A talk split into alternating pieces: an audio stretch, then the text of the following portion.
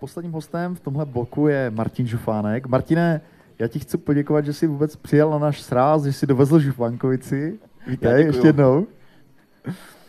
A díky, že jsi teda přijal mé pozvání k rozhovoru. Uh, ty jsi vlastně vybudoval, jako, nebo vy jste vybudovali vlastně rodinný podnik, který dalece přesáhl vlastně svoji známostí hranice regionu. Vy jste no, vlastně z, z Valašská, v podstatě, nebo ne, ze Slovácka. A vlastně ty vaše výrobky jsou vlastně dneska dostupné úplně v top eh, restauracích, eh, kde vlastně, kde všude se vlastně můžeme setkat vlastně s tím, co děláte. My, třeba já v Ostravě na to narážím velice často, ale v podstatě vidím Žufankovici dneska častěji eh, než třeba Jelinka.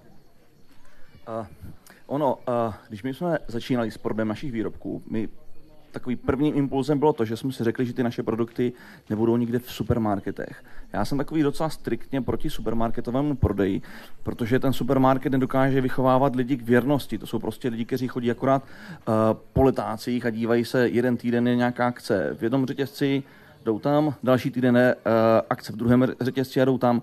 Proto jsme si řekli, že ty naše produkty budou pouze v gastru protože každého výrobce alkoholu každým snem je, aby ty jeho produkty byly v baru.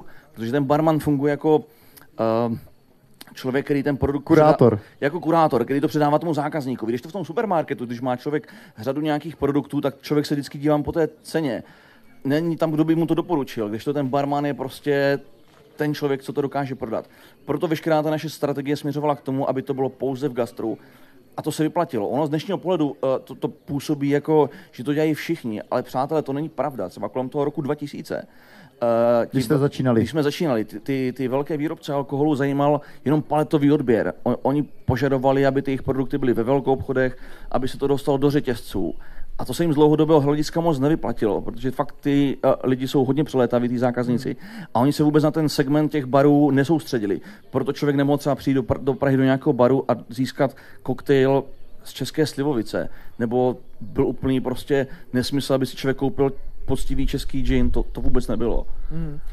Ty teďka vlastně, jak o tom říkáš, tak jako je na tobě vidět, já tě vním zblízka, že prostě máš tu vizi jakoby fakt velice dobře sformovanou, ale jako, jak už to většinou v podnikání je, jakoby jsou tam, nějak, jsou tam nějaké etapy, že jo? Ty jako předpokládám, že jsi neměl Přesně. úplně na začátku tu jasnou, jako jo. jasný pohled, jako byly tam nějaké jako momenty nebo nějaké milníky, které ti vlastně přiměly vlastně sformovat tuhle tu strategii a vůbec jí věřit, protože předpokládám, že v té době to teda i z toho, co říkáš, jasný, že to bylo úplně proti proudu. Uh, tak to dneska, když se jako zpětně podívám, tak to byla docela taková, v té době to byla tak, taková odvážná strategie. Uh, já jsem to chtěl od samého začátku a od samého začátku se to samozřejmě nedařilo.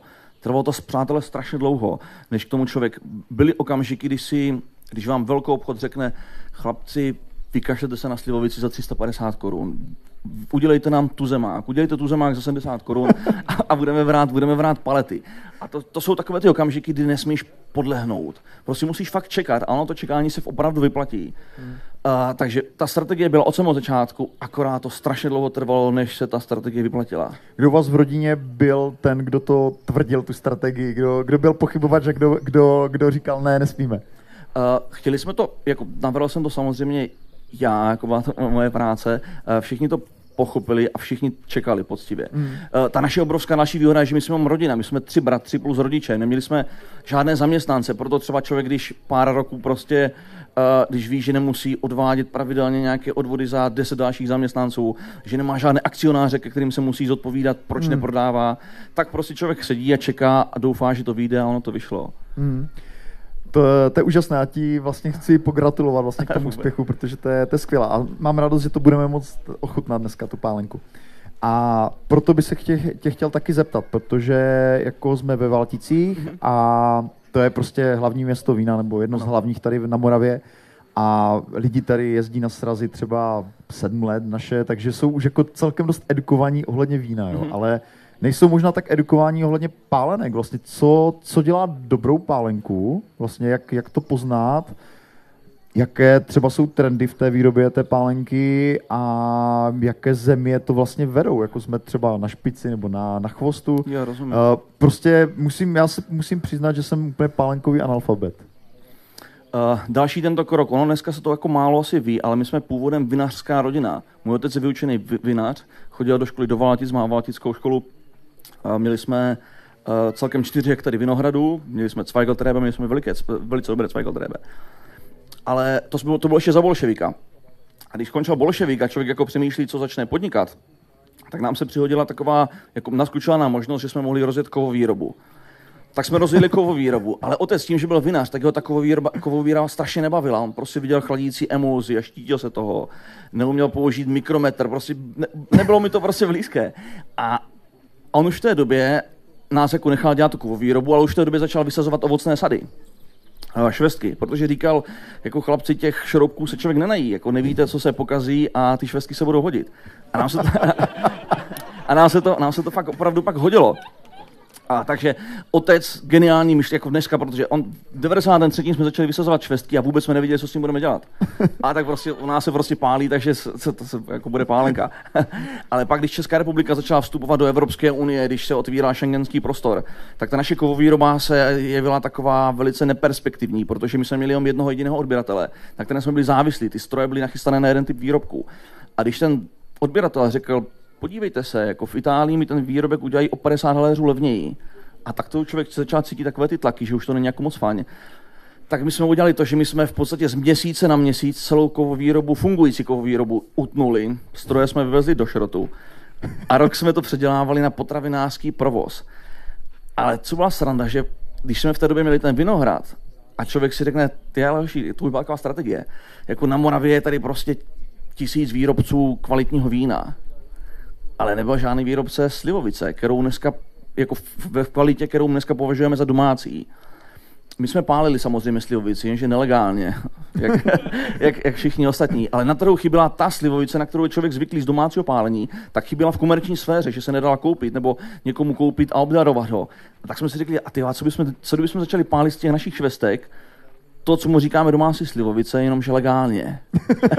Geniální myšlenka. Takže to začneme pálit legálně. Tak jsme to zlegalizovali. Proto já říkám, uh, já plus mý bráchové, my jsme první generace žufánků, co pálí legálně. A jak je to teda s tím, jak to poznat, jako když si laický konzument, vlastně uh, s těma trendama, řekněme, co, co vlastně vůbec v těch pálenkách jakoby momentálně je... Jako Češi, oni jsou jako všeobecně hodně edukovaní, co se týká pálenek, protože to jsou takové ty, víš, jak, jak třeba Pražák jede na Moravu, a za tytičkou Milonou, která mu dá dvou litrovou pet flašku slivovice na cestu, tak oni, oni jako docela jako znají ty, ty, ty, ty slivovice, nebo mají to docela napito. Ale co, co, co dělá tu uh, slivovici kvalitní? Já, já to dneska, když někam jezdím, tak spoustu lidí má pořád uh, na jazyku to, že dostanou slivovici, na píse a úplně se prostě otřepou a řeknou, ty krásu, ona prostě píše, jako ta, ta, ta řeže, no prostě úplně se to s nima zatřese. A to je nesmysl, to je to, co by ten alkohol neměl dělat slivovici, když má 50%, když se člověk napije, tak to by akorát mělo tak krásně prohřát trubku, ale neměl by se jako začat ošívat, jako že ti to pálí. To je takové to škrábání v hmm. krku. A to škrábání v krku, to je způsobené tím, to, to je většinou uh, uh, známka toho domácího pálení, ale toho, že ten, ten domácí palič tu slivovici pálí už za účelem, že ji prodá Pražákovi, sorry, že ji prodá Pražákovi proto to jsou takové ty kvase, že člověk zakládá kvas, udělá, eh, má prostě švestky, pak do toho hodí nějaké jabka, hodí do toho hrušky, aby prostě zasypal uh, hmm. tu kvasnou bečku. A pak, když to destiluje, a toto je ten největší průser, kvůli kterému já jsem dneska takový docela obezřetný domácím anonymním pálenkám, hmm. protože tím, že tohle to dělám jakože oficiálně, tak moji kamarádi, kteří do dneška prostě pálí nelegálně, tak si mě občas zavolají, ať jim změřím třeba zbytkový cukr kvasu, nebo jim změřím, jakou to má cukerna, nebo vůbec jaký to má alkohol. A já když vidím, v jakých se toho dělá podmínkách, mm. a že oni, když to destilují, tak oni to většinou tahnou až po nulu v podstatě, po konec toho destilátu. Mm. A to je ta největší chyba, to jsou takové ty vysoké alkoholy, ty přiboudliny, protože oni to neutnou tu destilaci, protože oni by třeba přišli o 3 litry a si řeknou, ty 3, 3 litry, to je 600 korun třeba, víš. Ale oni si, jako, oni si fakt jako nějak neuvědomují, že ty 3 litry dokáží znehodnotit to předchozí jádro toho destilátu, ten kvalitní hmm. destilát, protože ten konec, třeba v našem případě, já když to řeknu nějakým domácím paličům, tak se křižují. My když destilujeme slivovici a když ten alkohol klesne pod 50%, tak to je pro nás konec. My nedestilujeme nic, pod 50%. Hmm. A to si lidi řeknou, ty 50% je strašně moc, pak ti teče ještě prostě 48, 45, 40, to je strašná škoda. a už to šrotuje v hlavě, ale to prostě nesmíš dopustit. Aha. Takže to je další taková známka, nesmíš prostě podlehnout mamonu.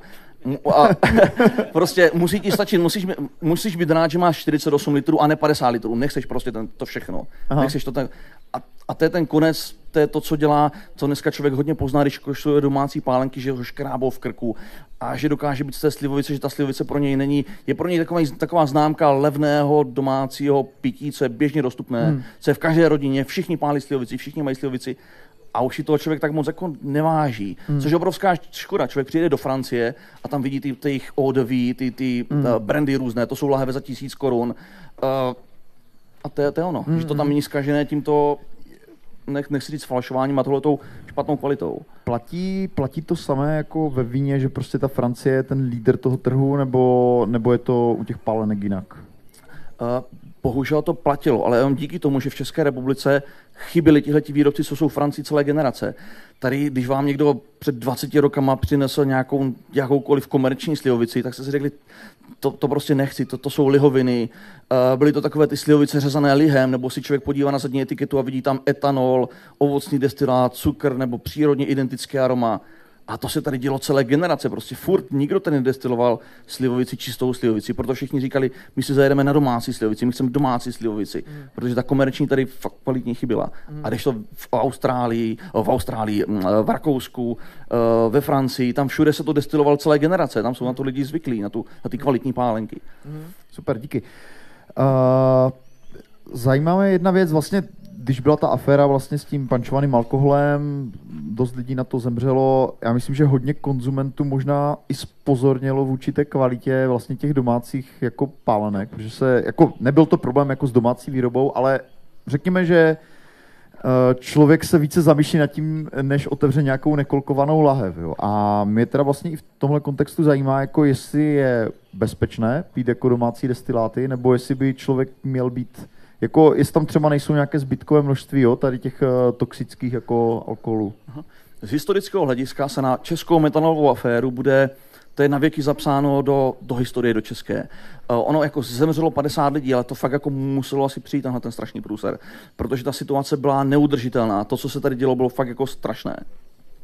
Ale až díky, bohužel díky této metanolové aféře si lidi konečně uvědomili, že alkohol není minerálka, alkohol je záležitost dospělého člověka, který jako musí přemýšlet nad tím, protože ten alkohol fakt není žádná sranda. Že oni si až v ten okamžik si uvědomili, že po alkoholu můžou zemřít. Že to fakt jako není, jako po burčáku víte, víš, co se stane, se člověk akorát po, po, posere, ale jako po tom alkoholu, po tom alkoholu je to trošku jiné. Jenže oni až v ten moment, a když viděli, že kolem nich umírají lidi, tak si řekli, ty tak asi, asi ne. Až ten moment si uh, začali jako uvědomovat, že potřebují mít, nebo že, že by bylo dobré, aby věděli, kdo ten alkohol vyrobil, hmm. odkud pochází, prostě to pozadí toho alkoholu, že to nemůže být nějaký anonymní 6-litrový kanistr vodky, který člověk někde koupil u Ostravy za 400 hmm. a přitom DPH spotřební daň bylo třeba 480 a oni to koupili za 400. Jasně. Až tehdy jim to docvaklo, že existuje něco jako DPH, jako spotřební daň a že to fakt není žádná sranda. To bylo vlastně, vinaři si budou asi pamatovat, uh, takový podobný průser se stal uh, v Rakousku, když uh, Rakušané pančovali víno nějakým glycerolem a takovýma těma sladkýma věcma. Obrovský průser, celé to tam spadlo. A dneska Rakousko jako legenda uh, hmm. s, s bílýma vínama taky musel přijít nějaký průser, hmm, který to pročistil. A máš pocit, že vás ta, vám jako legálním výrobcům ta aféra jako spíše pomohla nebo uškodila? Vím, že na vás uvalili poměrně jako striktní regulace, které jsou jako úplně absurdní. Ty to popisuješ na sociálních sítích občas a z toho mi fakt lezou oči z důlku, takže jak, jak to hodnotíš takhle, jako, jak to, jaký to mělo dopad na váš biznis? Na každého poctivého výrobce to mělo dobrý, uh, dobrý výsledek, jako dobře to dopadlo. Uh, až díky metalovové aféře my třeba v roce 2012 jsme běžně prodávali ovocný destilát, který jsme vypálili tři roky předtím. My jsme měli běžně tříleté zásoby ovocných destilátů, protože to se to prodávalo velice, velice pomalu. Ale po té metalové aféře, když ty lidi, oni jako nechtěli ten alkohol přijít, akorát to začali brát od legálních výrobců, kteří mi důvěřovali, tak nás to vystřelilo prostě tam, kde jsme, kde jsme dneska. Takže v tomhle to bylo, uh, v tomhle to bylo zásadní, zcela zásadní. A teď nevím, co jsem chtěl říct dál. Jo, jo to je odpověď na moji otázku. Okay. A uh, to by vede k poslednímu dotazu. Uh, tohle, já, jako, já jsem si jistý, že ten, jak ty sám říkáš, že alkohol není jako úplně stranda, člověk musí Přesně. si fakt tohle hlídat, takže mě zajímá, jako, jak si to vybírá daň na tobě, jo? jestli přece jenom jako vyrábíš jakoby alkohol hodně silný, není tak u toho vína, že ti lidé, pokud se stanou alkoholiky, tak někdy ve vyšším jo. věku třeba. Jak, jak, si, jak si tohle to hlídáš ty, jo? nebo jako máš pocit, že tě to nějakým způsobem, to na tebe vybírá nějakou daň, nebo uh, osobní zkušenost s alkoholem? Vybralo si to daň, přibral jsem 18 kilo. Protože alkohol je kalorická záležitost, to si budeme povídat. A když člověk jezdí na, na různé demo, když já už jsem dneska nejezdím, ale když člověk jezdil na různé prezentace, které byly spojené s nějakou degustací, tak člověk vaštil a pil, ale už, už to pomalu zase ztrácím dole. Uh, na obrovské štěstí uh, já mám v sobě takový vnitřní ventil. A já vím, že třeba když uh, degustuju, degustuju, piju, piju a teď já fakt jako cítím, že Uh, že už nemůžu dál, že, jako, že nechci fakt už dál. A nikdo na celém světě mě nepřesvědčí, abych pil dál. Nikdy jsem se neopil tak, že by dělala nějaká, byla nějaká ostuda. Prostě nik, mm. moje opilství se pozná tak, že se ze společnosti ztratím a nikdo mě nenajde. Mm. Já se prostě zbalím a jdu domů. Doufám, že dneska vydržíš dlouho. Ale... to, to kolem 11. poznáš. Ne, ne, ne. ne. Uh, takže a je to ještě tak, že uh, já když destiluju, když člověk destiluje, tak musí ochutnávat. Ale když to pak jako zpětně spočítá, tak zjistí, že třeba za ten den vypiju sotva, sotva třeba jako deci tvrdého alkoholu. Mm. Což jako zase tak jako není moc, jo. protože když to člověk dělá, třeba když destiluju třeba 12 hodin nebo 10 hodin a usrkává to, to se většinou dává narty, nebo to si mm. trošku jako lízneš, tak je to v pohodě. Martine, děkuju a doufám, že, doufám, že uh, budeš destilovat ještě dlouho. Budu, vaše rodina. Chci. A díky za rozhovor a těším se dneska na degustaci. Bude tady vlastně pálenka u Jirky do koktejlu a bude nějaká zvlášť, takže bude to tam k dispozici, kdo chcete ochutnat a Martin vám k tomu jistě rád i řekne nějaké detaily. Perfektní. Takže děkuju. Díky.